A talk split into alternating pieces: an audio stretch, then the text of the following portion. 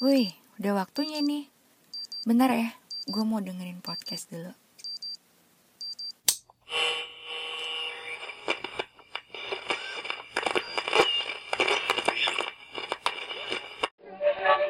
Halo, selamat datang di podcast Ngalur Tidur bareng Afri. Pada episode kali ini gue melakukan podcast secara jarak jauh lagi. Kebetulan narasumber gue ini posisinya lagi di Bekasi dan gue di Bogor. Nah, gue bakal wawancara. Narasumber gue ini adalah seorang yang baik hati, terus suka dengan kegiatan sosial dan juga profesinya adalah seorang fisioterapis. Kita kenalan dengan Nabila Puspita alias Bella. Hai. Hai, halo, assalamualaikum. Waalaikumsalam. Apa kabar Bel? Alhamdulillah sehat. Gimana Tetsu sehat? Alhamdulillah baik. Oh Tetsu agak agak beda ya nanti di dipanggilnya agak berubah nih. Oke. Afri atau Tetsu nih enak. Apri, uh, ya kebetulan. Tetsu itu nama panggilan gue sama Bella waktu zaman-zaman. SMP. Jadi Mm-mm. mohon dimaklumi ya kalau nanti Bella kelepasan manggil nama gue Tetsu di belakangnya. Berbicara tentang fisioterapis, eh, mungkin para pendengar podcast gue ini belum tahu fisioterapis itu apa. Nah, bisa dijelaskan apa sih fisioterapis itu? Fisioterapis itu dari kata fisio dan terapis. Fisio itu kan artinya fisik dan terapi itu ya terapi, latihan gitu. Jadi fisioterapi itu yang menangani gangguan gerak fungsi gerak dan fungsi anggota tubuh kayak misalkan tangan, kaki, pokoknya anggota gerak leher kayak gitu. Kayak misalkan pasien-pasien yang apa ya, gangguan saraf, terus pasien-pasien yang stroke, terus kalau hmm, apa eh, yang osteoartritis, Mm-mm. peradangan sendi yang kayak gitu-gitu yang gangguan geraknya tuh terganggu karena ada nyeri atau peradangan atau apa pun. Dan fisioterapi itu ada banyak. Jadi nggak cuman Mm-mm. fisioterapi yang tadi aja yang kayak stroke dan lain-lain itu. Jadi ada fisioterapi olahraga Mm-mm. untuk atlet-atlet, terus ada fisioterapi anak nih yang kayak gue tumbuh kembang anak Mm-mm. untuk anak-anak yang berkebutuhan khusus dan terlambat perkembangannya. Terus ada fisioterapi kardio respirasi yang di rumah sakit persahabatan yang latihan pola nafas dan lain-lain itu. Terus fisioterapi apa lagi ya? Hmm, kecantikan sih belum ada di sini. Apalagi ya udah sih itu ada banyak macamnya. Nah, dan kalau di rumah sakit gue ini fisioterapinya itu dua, yang fisioterapi yang tadi yang pertama yang untuk stroke dan stroke, osteoartritis dan lain-lain sama fisioterapi anak yang tumbuh kembang gitu. Dan gue itu pegang yang fisioterapi tumbuh kembang anak gitu. Kenapa lo memutuskan untuk menjadi fisioterapis? Oke, jadi awalnya itu waktu pas lulus SMA, sebelum sih sebelum lulus SMA, gue tuh pingin banget bisa jadi tenaga kesehatan. Hmm. Cuma awalnya tuh bingung kan, mau ambil kebidanan atau perawat atau gizi kayak gitu. Terus pas uh, browsing-browsing lagi nih, lihat-lihat, wah ada nih tenaga kesehatan yang lain, fisioterapis namanya. Ya udah tuh gue cari-cari tahu kan, eh kayaknya seru nih sama-sama tenaga kesehatan juga. Akhirnya yaudah ambil deh gitu ya, Bismillah ambil deh. Ya udah akhirnya nyemplung deh di fisioterapi. Tapi emang ini sih uh, apa ya seneng gitulah, passion lah, menyambung sama keinginan gue jadi tenaga kesehatan. Bekerja di dunia kesehatan itu kan resikonya tuh besar ya, Bill. Mm-mm. Apalagi dalam kondisi pandemik seperti ini. Sebelumnya tuh Mm-mm. lo udah tahu belum sih resiko-resiko apa yang bakal lo hadapin saat-saat awal memutuskan untuk menjadi seorang fisioterapis? Mm-mm. Ya, jadi emang waktu pas mau ambil fisioterapis ini, gue udah kayak bayangin gitu bakal kerja di rumah sakit, bakal banyak terpapar sama apa virus-virus dan lain-lain, Mhm. bakteri segala macam.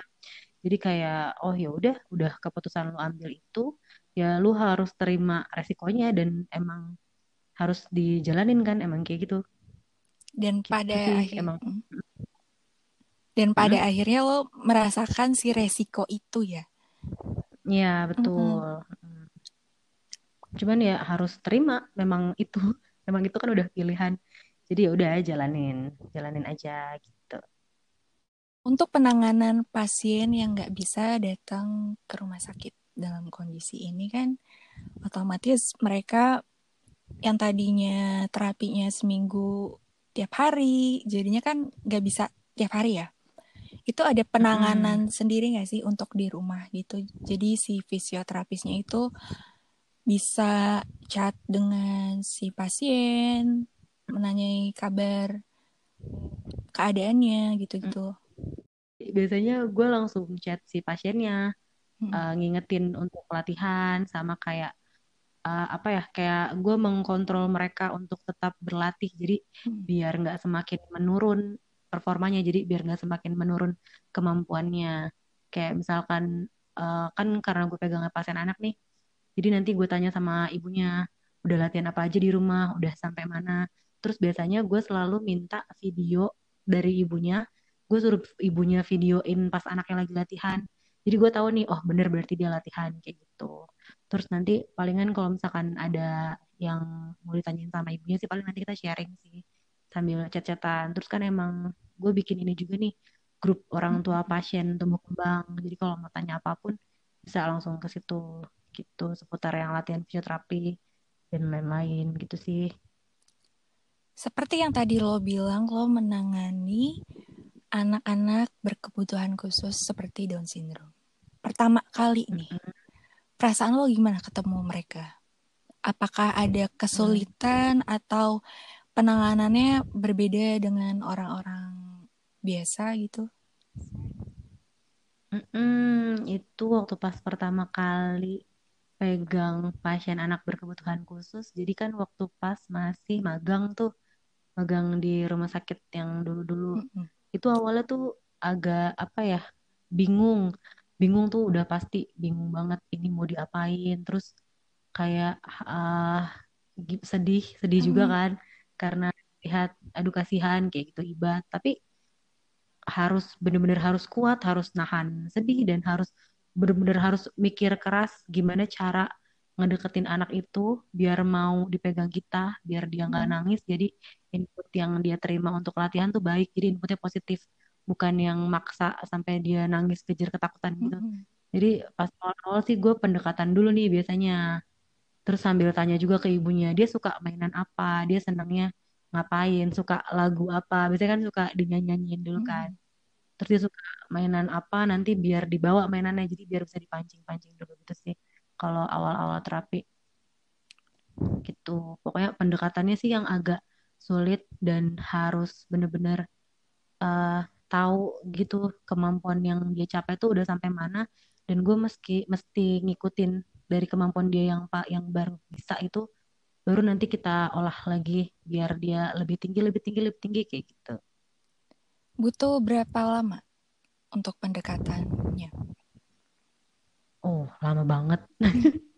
Itu ada pasien yang bisa satu bulan Iya. baru dia nggak nangis baru dia nggak takut sama gue Mm-mm. ada juga yang bisa sampai dua bulan maksimal dua bulan sih. Karena kan seminggu itu dua kali terapi. Jadi pa- paling lama tuh ada tuh yang dua bulan baru dia tenang nggak nangis sama sekali. Luar biasa pasti harus apa ya sabar telaten juga dan juga jadi pembelajaran ya buat kita kalau misalnya suatu hari ada keluarga yang ternyata punya anak yang Down syndrome jadi kita bisa ini ya belajar juga. Mm-mm, gitu. Iya sih. Bener-bener sih ilmu sabar sabar tanpa batas Mm-mm. itu bener-bener diuji di situ. Cuman karena emang suka emang basicnya gue suka banget nih sama anak kecil dari dulu Mm-mm. jadi mau itu kayak gimana pun ya tetap senang-senang aja jadi happy-happy terus sih Mm. Bel, yep gue lihat nih gimana belakangan ini lo lagi aktif menggalangkan dana dalam seminggu gitu. Mm-mm. Dan kayaknya seru banget. Itu kenapa lo memutuskan untuk menggalangkan dana di saat-saat lo masih sibuk bekerja sebagai fisioterapis? Oke, oke. Jadi jawab dikit-dikit ya. Hmm. Jadi gini, kan sebenarnya nih di rumah sakit nih kan lagi apa ya? Kayak lagi gawat darurat banget nih keadaannya karena Mm-mm. banyak pasien-pasien yang rujukan karena kan rumah sakit kita kan tipe swasta nih, tipe C. Di rujukan awal pasien-pasien yang kena corona itu kan pasti kita dulu. Nah, terus karena gue kan fisioterapi tumbuh kembang Iya. anak. Jadi pasien-pasien gue itu banyak yang diliburin karena kan kita ngurangin apa kayak bersentuhan gitu kan. Soalnya kan gue megang Mm-mm. anak benar-benar bersentuhan banget. Jadi tuh eh, apa kayak ngurangin jadwal pasien, makanya di situ gue tuh kayak nggak ngapa-ngapain. Jadi ngerasa kalau kayak berangkat kerja kadang cuman pegang pasien satu dua, terus kayak Mm-mm. bener-bener kosong ya. Aku kayak nggak ada kerjaan apa-apa ya, kayak hidup gue hampa banget nih. Iya. Padahal ini tuh lagi, padahal ini tuh lagi kayak apa? Gimana ya? Lagi banyak banyak orang-orang yang eh, kayak panik attack gitu kan gara-gara wabah ini Mm, kan. benar-benar. daripada gue di rumah sakit pun pasien tumbuh kembang gue kosong terus kayak teman-teman gue juga yang lain yang pegang fisioterapi dewasa juga pun kan nggak terlalu banyak nih pasiennya. Daripada kayak kita nggak ngapa-ngapain mendingan kita ngelakuin sesuatu deh dari- daripada cuma kayak jadi penonton doang. Gimana Mm-mm. kalau misalkan kita uh, jadi pemain nih terjun langsung? Kayak gitu sih. Awalnya gara-gara itu gara-gara nggak ngapa-ngapain di RS Mm-mm. karena kan bukan perawat ya kebanyakan perawat Nah, yang lebih banyak kerjaannya tuh gitu. Tapi kalau kita lihat ya Bel, udah Hmm? banyak banget tuh yang mengadakan penggalangan dana ini. Nah, Mm-mm. kenapa lo sama teman-teman lo ini pede kita bakalan dapat dana segini nih? Dan Mm-mm. terakhir tuh berapa dapatnya? Terakhir kan kita buka open donasi tuh hari Minggu tuh terus tutup hari Kamis itu dapat 3,7 alhamdulillah tuh lumayan lah Hmm. Mm-mm. itu Kenapa lo bisa pede? Mm-mm. Kenapa lo bisa pede gitu? Eh, karena sebenarnya sih lihat awalnya kan kayak gimana ya eh, daripada kita nggak ada manfaatnya nih datang Mm-mm. ke RS nggak ngapa-ngapain gimana kalau misalkan kita biar ada apa ya biar kehidupan tuh lebih bermanfaat gitu sih biar gimana ya ada eh, ada hal yang bisa dilakuin gitu dan itu tuh Produktif.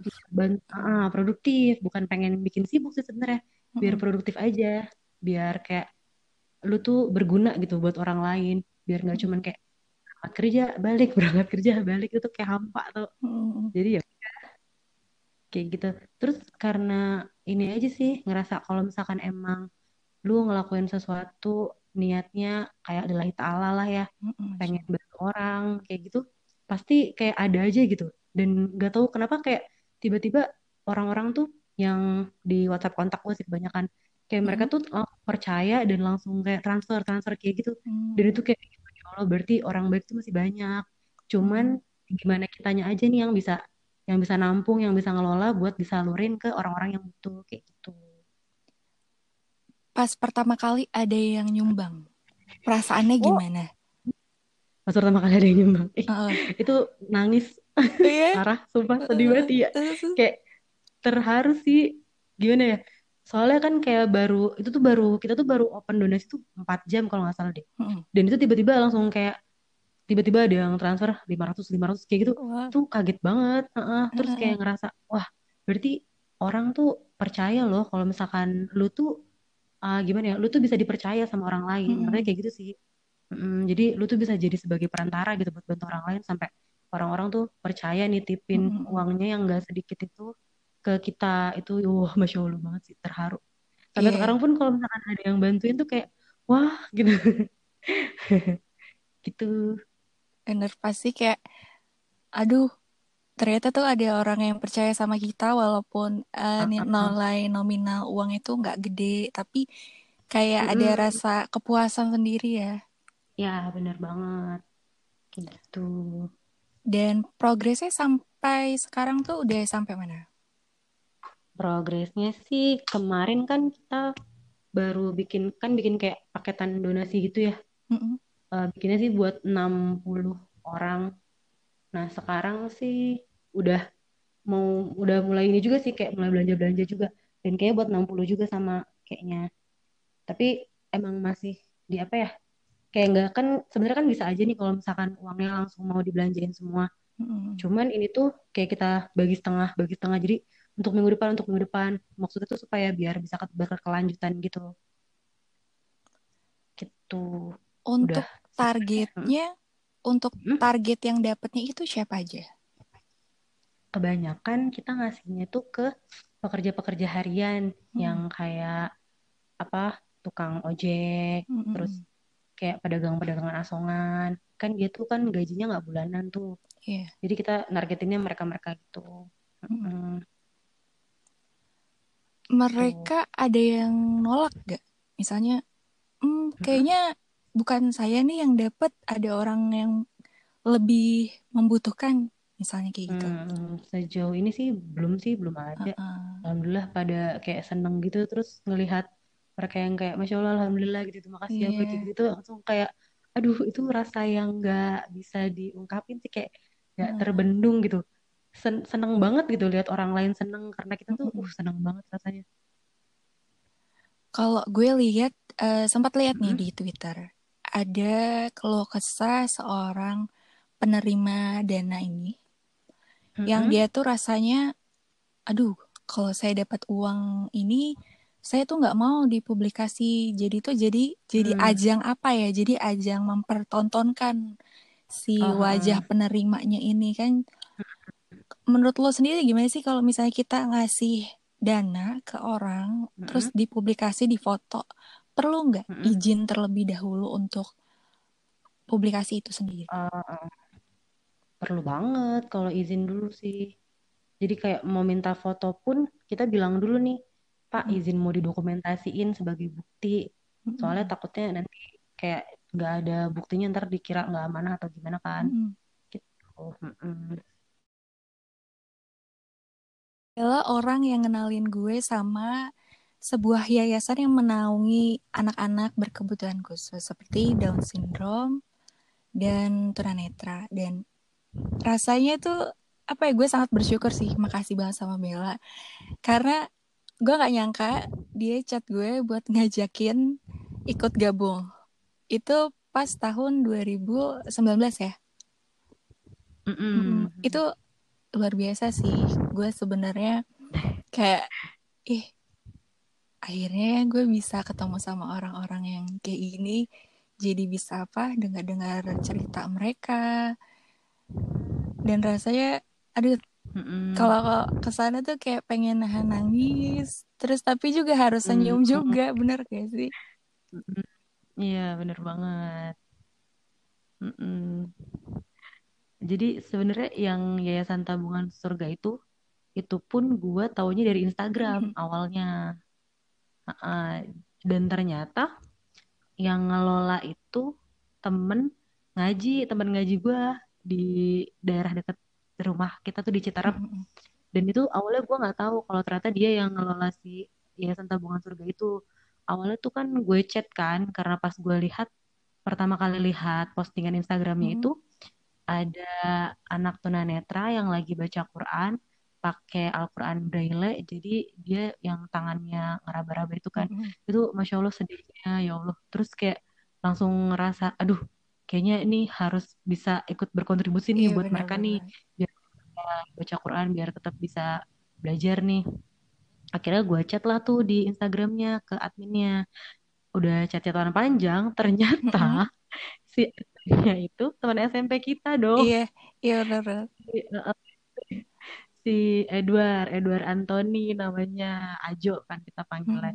Ternyata dia dan ya udah akhirnya gabunglah ke situ jadi relawan. Terus gue kepikiran tuh sama temen-temen yang lain siapa ya kira-kira yang bisa diajak rumahnya di daerah-daerah sini jadi bisa gampang kalau mau ke sana aksesnya deket juga kan.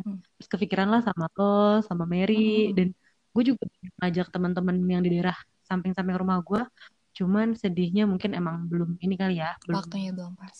Uh, iya waktunya belum pas jadinya banyak yang nolak juga kan. Hmm. akhirnya ketemu sama lu diajak oke seneng banget alhamdulillah. Jadi ada temen barengan buat ke sana. Terus ya jadi bisa berbagi kebahagiaan mm, mm. juga kan sama anak-anak gitu Gue ingat banget itu tuh dadakan, super banget dadakan.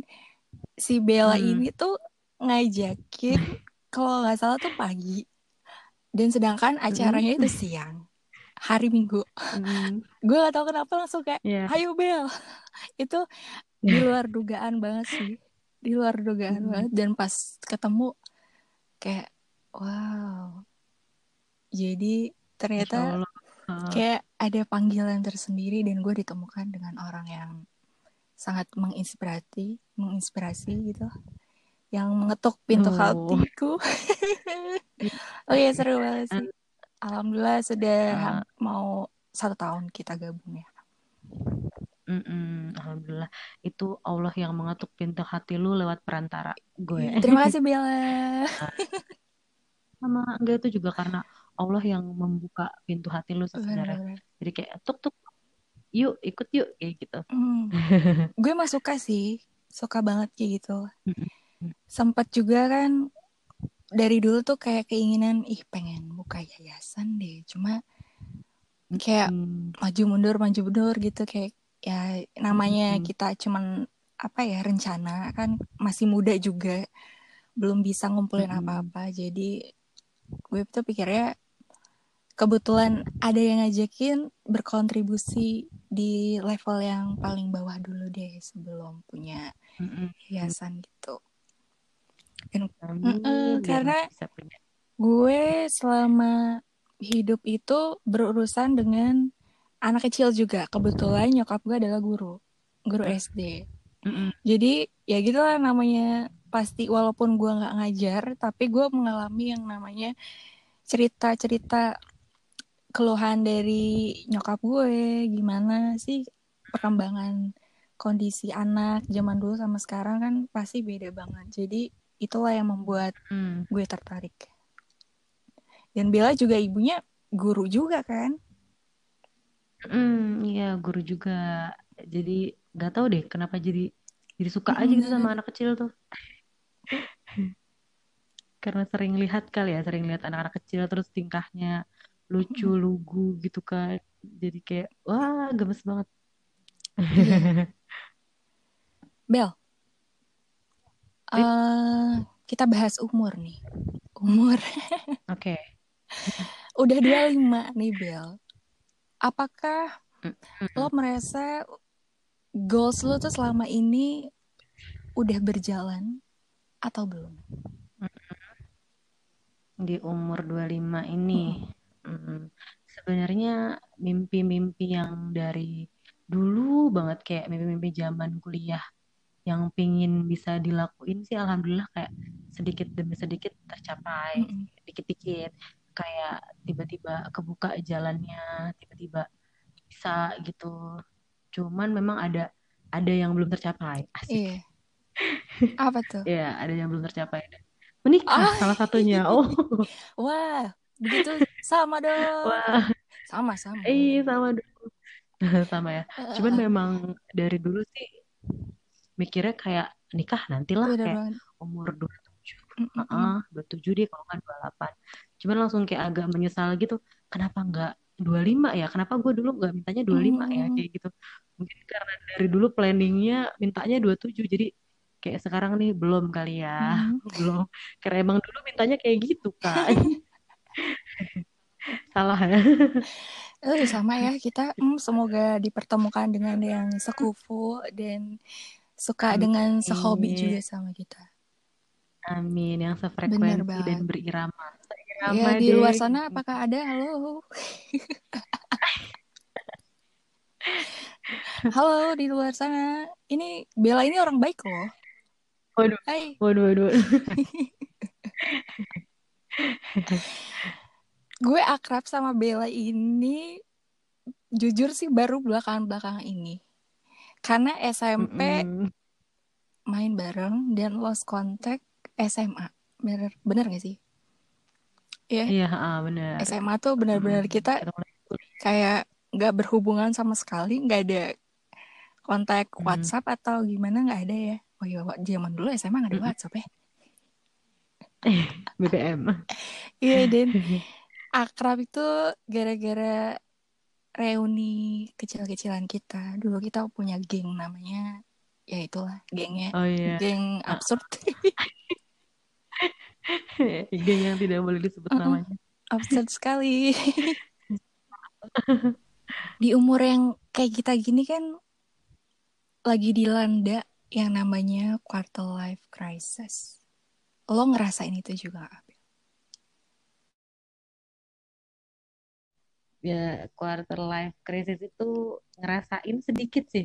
Gak terlalu berdampak banget buat hidup gua. Mm-mm. Biasa aja sih. Cuman emang yang paling kerasa itu kayak apa ya, pemikiran-pemikiran orang yang bilang, udah 25 Mm-mm. loh, kapan nikah? Yang gitu sih, yang lebih banyak yang masalah nikah-nikah gitu. Yang paling itu yang agak bikin keganggu. Cuman gue nggak terlalu mikirin banget. Jadi kayak, ah alah, udahlah nanti juga ada jodohnya. Udah doain, doain paling gitu sih. Yang agak bikin, apa ya, eh, bete dikit. Tapi nanti juga lupa sih habis itu. gitu cuman itu doang sih masalahnya paling. gue karena gini Bel gue pernah baca artikel itu hubungan relasi antara tingkat spiritual kita dengan kehidupan tingkat misalnya kayak stres atau segala macam. Ketika eh perjalanan spiritual kita bagus, hubungan kita antara Tuhan bagus, itu kita merasakan sesuatu yang apa ya di- yang dibilang krisis ini tuh kemungkinannya tuh bisa kecil dan jadi kayak ngejalaninnya tuh ah enggak biasa aja. Tapi bagi sebagian orang tuh aduh parah banget gue tuh ngerasa hampa gue tuh nggak tahu arahnya dan tujuan ke mana dan ternyata tuh itu ngaruh loh. Dan buat lo sendiri tuh Mm-mm. terbantukah dengan perjalanan spiritual lo yang lo jalanin sekarang tuh? Karena yang gue lihat lo beda banget dari yang dulu. Maksudnya dalam menjalani apa ya bisa dibilang tuh iya spiritualnya itu Mm, Iya, emang banget banget sih kayak hubungan kedekatan kita sama Mm. Allah nih, itu tuh ngaruh banget buat perjalanan hidup lu, ngaruh banget. Jadi emang bener banget sih hubungan kedekatan lu sama Tuhan lu, sama Allah nih, itu tuh ngaruh banget sama perjalanan hidup lu. Bener-bener ngaruh banget buat gua. Jadi di saat ruhiyah lu nih ngerasa deket sama Allah, terus kayak eh, ngerasa dicintai, ngerasa apa ya, kayak full full di Mm. hati tuh nggak nggak banyak mikirin nggak banyak mikirin kayak mikirin jodoh, mikirin masalah hidup yang yang ber berrumit-rumit Mm-mm. inilah itu tuh itu tuh kayak bakalan tenang aja gitu, adem adem anyem aja gitu, selama lu menjaga supaya ruhiyah lu tuh tetap dekat sama Allah. Kayak lu berusaha untuk ngejalanin apa ya bukan cuma ibadah wajib jadi kayak eh, nikahin ibadah sunnah kayak sedekah ngaji gitu-gitu sih. Itu yang benar-benar harus dijaga selama lu ngejaga itu. Dan itu tuh nggak akan apa ya hidup lu tuh nggak akan yang kosong kayak gitu heeh. hampa nggak akan nggak akan stres nggak akan yakinlah nggak bakal. Hidup lu tuh ya udah santuy aja Heeh. kayak tenang udah tenang tenang ada Allah gitu tenang udah lillahi ta'ala aja tenang kayak ya udah santai aja jadi nggak terlalu pusing-pusing mikirin apa pun tuh enggak sih Mm-mm. itu ngaruh banget bener-bener ngaruh Bener, gue juga sih ngerasain. Jadi apa ya? Mm. Kayak bersyukur ketika di umur segini yang kata orang krisis atau segala macam tuh kayak oh Allah ngasih sesuatu di umur kayak gini biar kita tuh bisa ngelihat gitu loh, bisa ngelihat apa yang harus kita lakukan, apa yang harus kita jalani. Jadi nggak apa ya dan nggak ngerasa sia-sia dan di lingkungannya pun Mm-mm. didukung sama orang-orang yang hebat. Ibaratnya kayak saat ini di umur segini gue berada didekatkan dengan orang-orang yang baik yang ngasih support dan ngasih contoh yang baik itu luar biasa sih. Merasa gak sih? Iya yeah, bener banget, merasa banget. Karena emang emang udah apa ya udah kodrat kali ya. Kalau misalkan lu deket sama orang-orang sama orang yang baik dan lu berusaha memperbaiki diri lu, insya Allah pasti Allah juga temuin oh, temen yang bakal bikin lu baik karena emang lu nggak akan sendirian, pasti lu tuh dibantu, tenang aja. Lu pasti dijaga selama lu menjaga Allah di hati lu, lu pasti dijaga juga sama Allah. Jadi ya udah tenang aja. Iya benar banget. Jadi ketika kita ngerasa masalah kita tuh paling besar, kita pendem nih. Terus kita ketemu teman dan ternyata di umur yang sama problem orang di sekitar kita tuh beda-beda. Ada ya orang yang punya masalah lebih besar daripada kita. Terus pas tahu kita tuh ngerasa kayak wah ini orang ternyata masalahnya lebih berat daripada gue. Berarti gue harus bersyukur nih. Masalah gue cuma segini doang. Mm -hmm. ya gak sih? Ngerasain gak sih? Iya yeah, uh, benar banget uh. karena emang tiap orang punya respon beda-beda terhadap masalah yang dialamin.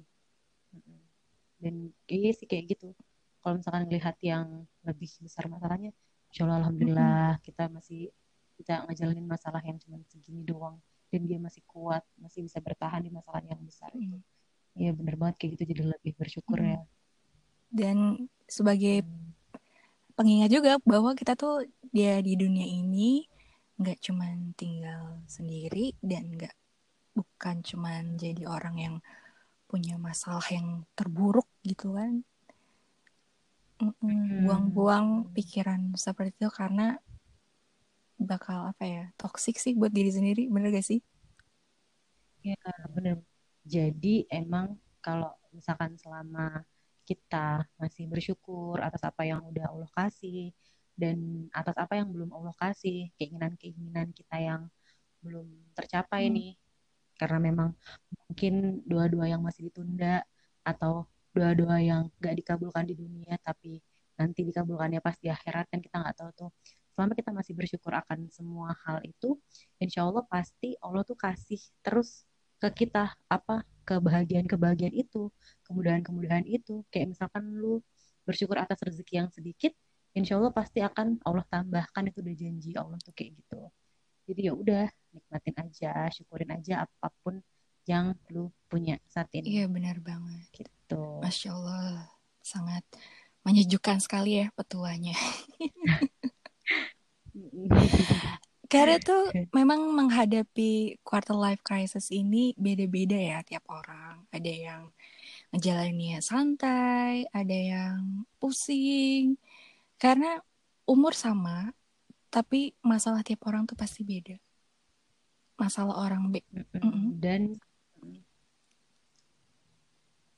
dan cara berpikir, cara pandang orang beda juga. Jadi jangan merasa bahwa masalah kamu ini adalah masalah yang paling berat di muka bumi ini. Tidak. Karena masih banyak orang lain yang tidak seberuntung kamu. Dan juga jangan sampai menghakimi diri kamu sendiri. Jangan sampai mengutuk diri kamu sendiri.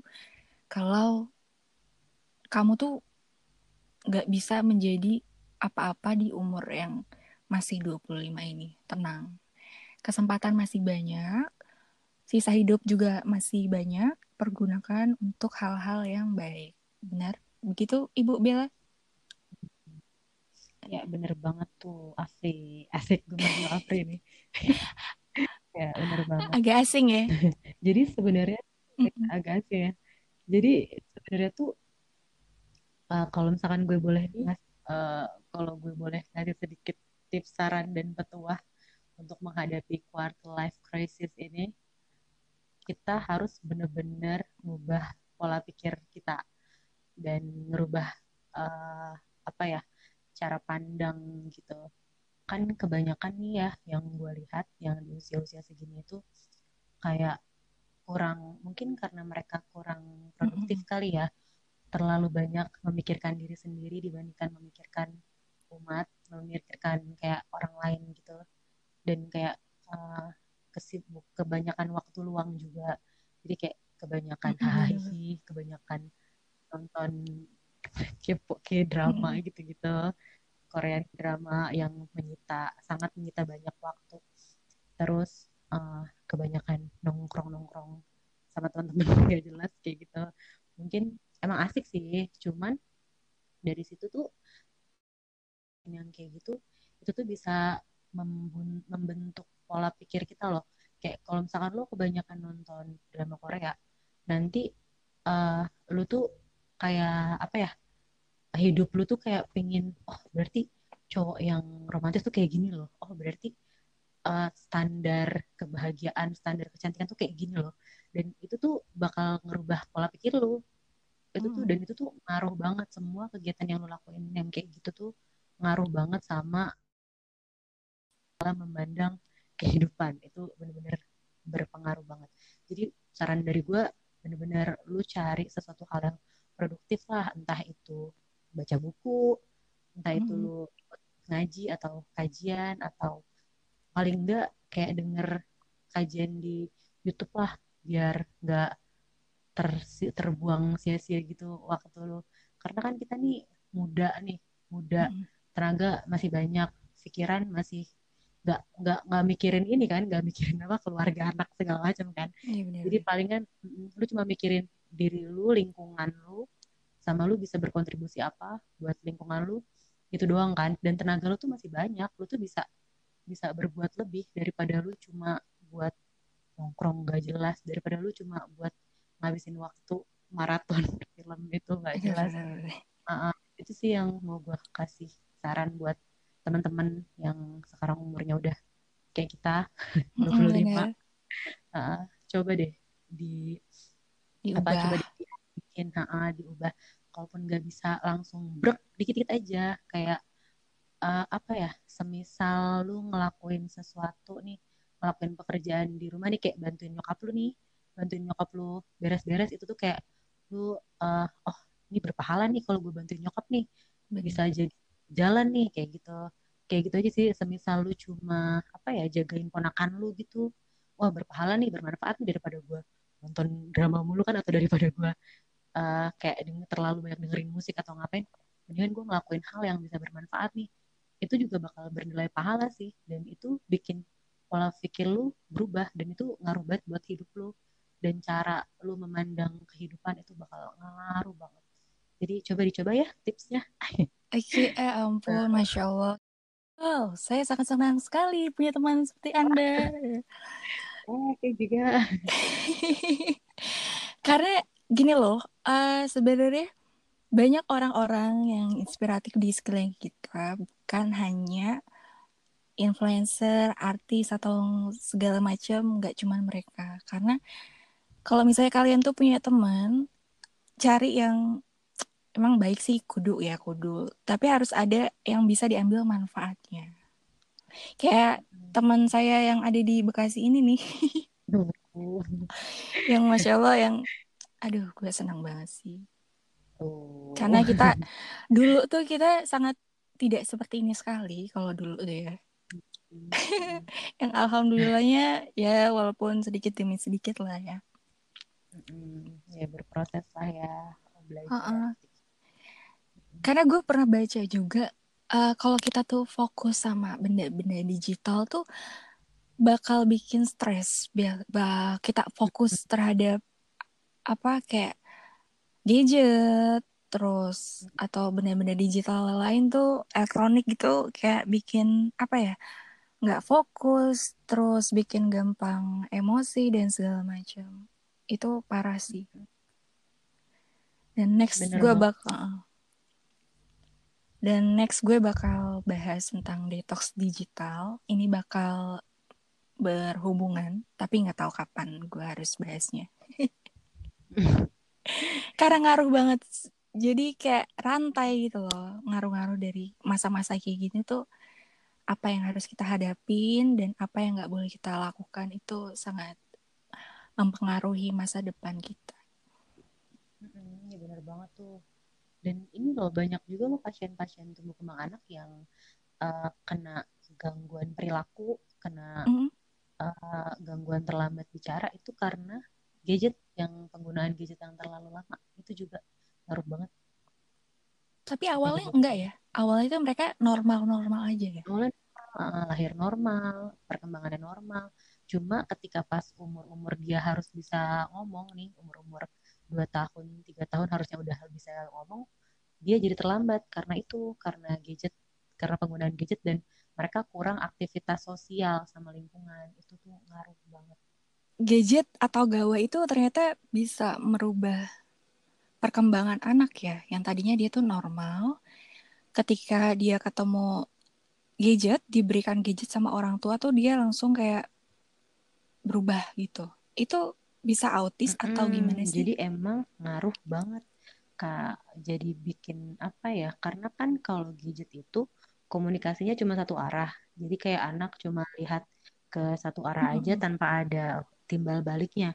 Jadi dia cuma kayak misalkan dia nonton video YouTube nih dia cuma nerima nerima rangsangan dari video itu aja cuma gambar pendengaran dan kayak gitu doang kan. Dan itu nggak ada timbal balik. Jadi si anak tuh nggak ada kepancing untuk untuk ngebales gitu beda sama kalau misalkan dia uh, main sama temen seumurannya mau nggak mau ada komunikasi dua arah yang terjadi. Jadi uh, ketika temen yang ngomong dia mau nggak mau harus bales kan. Kayak gitu. Nah di penggunaan gadget itu nggak nggak bisa kayak gitu. Karena dia komunikasinya cuman satu arah. Jadi dia nggak bisa bales dia nggak bisa nggak ada stimulasi buat ngejawab itu gitu. Makanya kebanyakan anak-anak yang tadinya normal jadi bisa jadi terlambat bicara delay speech itu diagnosanya. Terus bisa jadi autis uh, jadi kayak he, uh, punya apa ya kehidupan sendiri gitu. Gak bisa bersosialisasi jadinya dia jadi bisa main sendiri doang kayak gitu. Dan itu pasti terlambat bicaranya itu pasti. Banyak banget soal. Bisa sembuh bisa, kan tapi kalau ibunya bener-bener ngejaga ngejauhin dia dari gadget dari TV dan bener-bener harus sering ngajak main sih. Sebenarnya terapi anak tuh ajak main aja ajak dia main sesuai dengan usianya. Itu aja sih yang paling penting tuh. Hmm. uh, ada ini nggak? Kira-kira bisa sembuh berapa lama atau hmm, nggak hmm, bisa ditentukan gitu? sih tergantung dari uh, PR-PR latihan di rumah yang kita kasih itu dikerjain atau enggak sama ibunya. Dan memang peran ibu itu penting banget. Dan peran keluarga itu penting hmm. banget dalam perkembangan si anak itu. Jadi kalau misalkan ibunya kooperatif keluarganya kooperatif dan benar-benar sama-sama nih kita hmm. berjuang nih biar dia cepet nih itu bisa. Ya nggak nggak nggak lama lah setahun bisa. Tapi kalau misalkan keluarganya kurang kooperatif ibunya juga kurang ah itu lama banget. Ada yang udah dua sampai tiga tahun malah dan itu perkembangannya baru sedikit karena ibunya masih tetap ngasih gadget dong. Jadi gimana mau uh, gimana mau iya berkembang cepat padahal di usia anak yang golden age itu yang sampai umur 0 sampai 5 tahun itu tuh gampang hmm. banget sebenarnya ngasih input yang baik buat anak tuh. Tergantung dari itu dia ibunya sama lingkungan keluarga pola asuh. Pola asuh ya balik lagi ke pola asuh. Pola hmm. asuh orang tua. Nah calon ibu di luar sana wanita-wanita mohon disimak baik-baik ya. Walaupun nanti dibilangin anaknya nggak megang gadget bukannya gaptek bukan. Tapi lebih kepada ini ya buat perkembangan anaknya itu juga ya.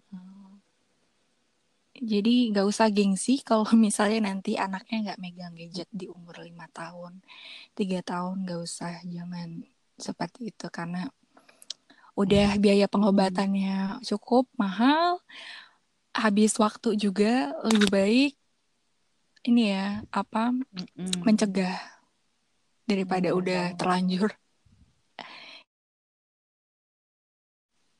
Gak terasa nih, ternyata udah satu jam kita ngobrol sama Bella. Ngobrol ngalur ngidul yang sangat bermanfaat. Dan gue pun sendiri dapat ilmu baru dari kehidupan sosial, terus parenting juga. Dan saya sangat berterima kasih sama Bella. Terima kasih, Bella. Uh, semoga kita bisa cepat ketemu Amin, ya setelah ya wabah ini selesai. Uh, karena nggak enak banget rasanya. Jujur sih nggak enak, tapi harus kita syukurin. Banyak manfaat Lihat yang kita ambil. ya. Seperti mm -mm seperti yeah. melakukan podcast ini ternyata ada manfaatnya. Akhirnya saya mendapatkan ilmu baru tanpa konsultasi dengan psikolog anak di luar sana. Sampai ketemu di podcast selanjutnya. Makasih udah dengerin. Sampai jumpa lagi di podcast Ngalor Gidur bareng Apri. Dadah.